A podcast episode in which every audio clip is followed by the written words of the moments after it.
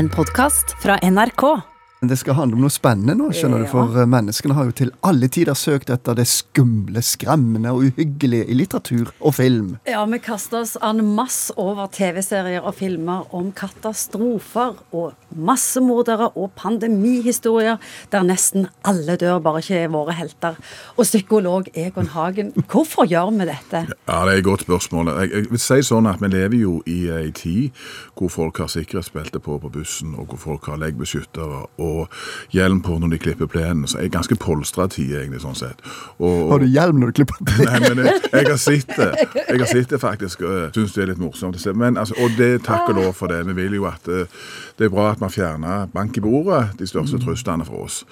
Og så er det jo sånn at vi har på en måte en følelsesmessig sfære ved toller som nevrobiologisk har bevega seg i et mye større spekter enn det vi har nå. Før Jeg har aldri opplevd reell frykt eller noen som truer meg på livet. eller Jeg har aldri vært i en slåsskamp. Jeg har aldri blitt fornedra, sånn som dette.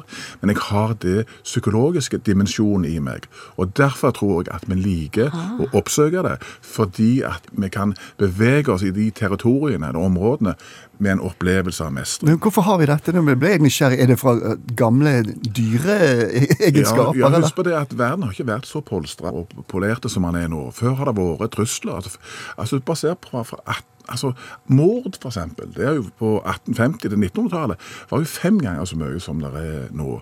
Alkoholkonsumet var helt annerledes, med volden som fulgte dette. Og det er bare liksom i kort tid tilbake igjen.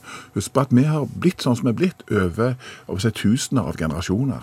Og jeg tror den behovet vi har, er å oppsøke og bryte monotonien.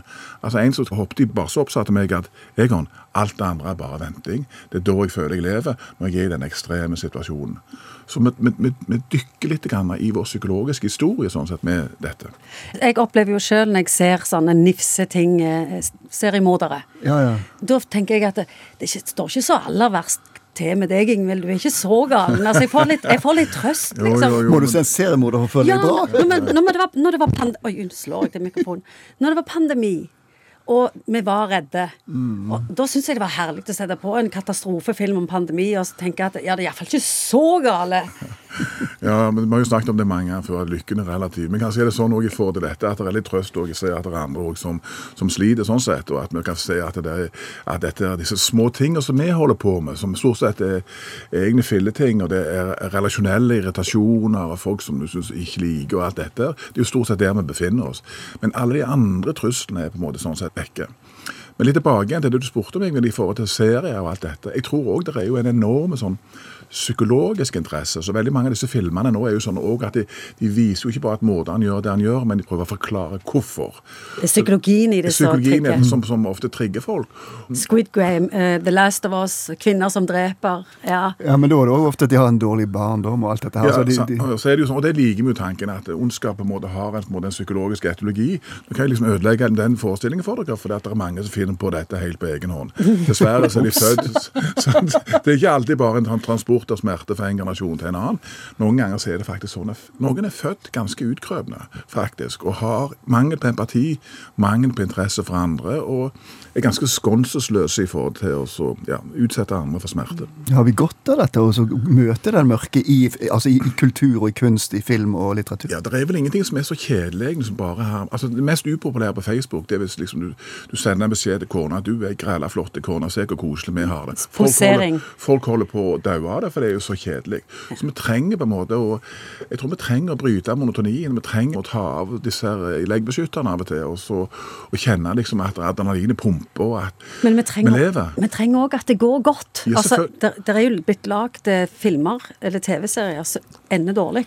Og da film for 20 år siden var veldig sånn at Da, da, da, jeg er ikke moden nok til det ennå, føler jeg. Nei, men det er jo òg dette mange elsker, sånne hevnfilmer. altså Jason det er Bourne-filmer. herlig. sant? Der får de. sant? Altså liksom At verden er rettferdig, og, og de slemme får sitt, og de, og de snille vinner. Og det blir greit til slutt, osv.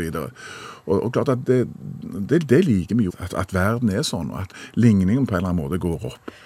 Ja, og så har du disse her datagenerasjonene de siste 20 årene som og spiller da hovedsakelig med vold og med action Ja, ja, ja. og med drap og sånn. Er er det skadelig? Nei, det er jo vist mye forskning på dette, at det er ingen overføring i forhold til det. Folk blir ikke mer voldelige av det. At da skulle jeg vært veldig voldelig Ja. at Men, bare, men bare tenk på det. altså I, vårt, I våre liv så er det jo sånn at det skjer jo nesten aldri noe veldig dramatisk. Altså Det som vi har snakket om før, at det, det kortet virker ikke på treningsstudio, eller det blir liksom en kontroll på bussen, og du finner ikke denne, den der greia med en gang. den der. Altså Ellers er det jo utrolig forutsigbart. og Klinisk og tørt, tørt og trygt. Sånn er jo de fleste livene våre, og sånn vil vi at det skal være. Så for å bryte denne, denne monotonien og få en cocktail som er litt mer spennende, så tror jeg vi dukker ned i alle disse farlige tingene. Ja. Vi kan oppsummere at vi kan ha god samvittighet med å se Criminal Minds og Kan du velsigne det? FBI. Ja, jeg tror absolutt. absolutt. Det er en måte å holde liksom, kontakt med kanskje følelser som ikke betrigger så mye i det alminnelige livet vi lever nå. Hva du foretrekker selv å se på? Ja, vet du, Jeg har jo holdt på med det psykologigreiene, så jeg er jo litt, hvis det blir for mye psykologi rundt det, og for mye sånn at du skal årsaksforklare en eller annen form for greier med liksom at han datt av potta som treåring eller- Da kjeder du deg. Da kjeder jeg meg, Ja. for at jeg tror ikke på konseptet, det er det ene. Og for det andre så har jeg, har liksom datt opp i gryta da jeg var yngre. Du vil se sånne jakt- og viltfilmer ute i ødemarka i Alaska med mennesker mot naturen? Noe sånt, ja. Det høres Ja. mer ut som meg, egentlig. Nå fikk jeg, nå fikk jeg lyst til å eh, avslutte med et sitat fra en, en sang til Salusvinskvetten. Der eh, du hører midt inn i sangen, så ser du noen eh, små unger som sier at eh, 'Bestefar, bestefar, kan ikke du fortelle når du var liten?' Og så, så 'Jo, nå skal dere høre, gutter. det var Hitler og krig' Nei, nei, nei, fortell når du syklet uten hjelm.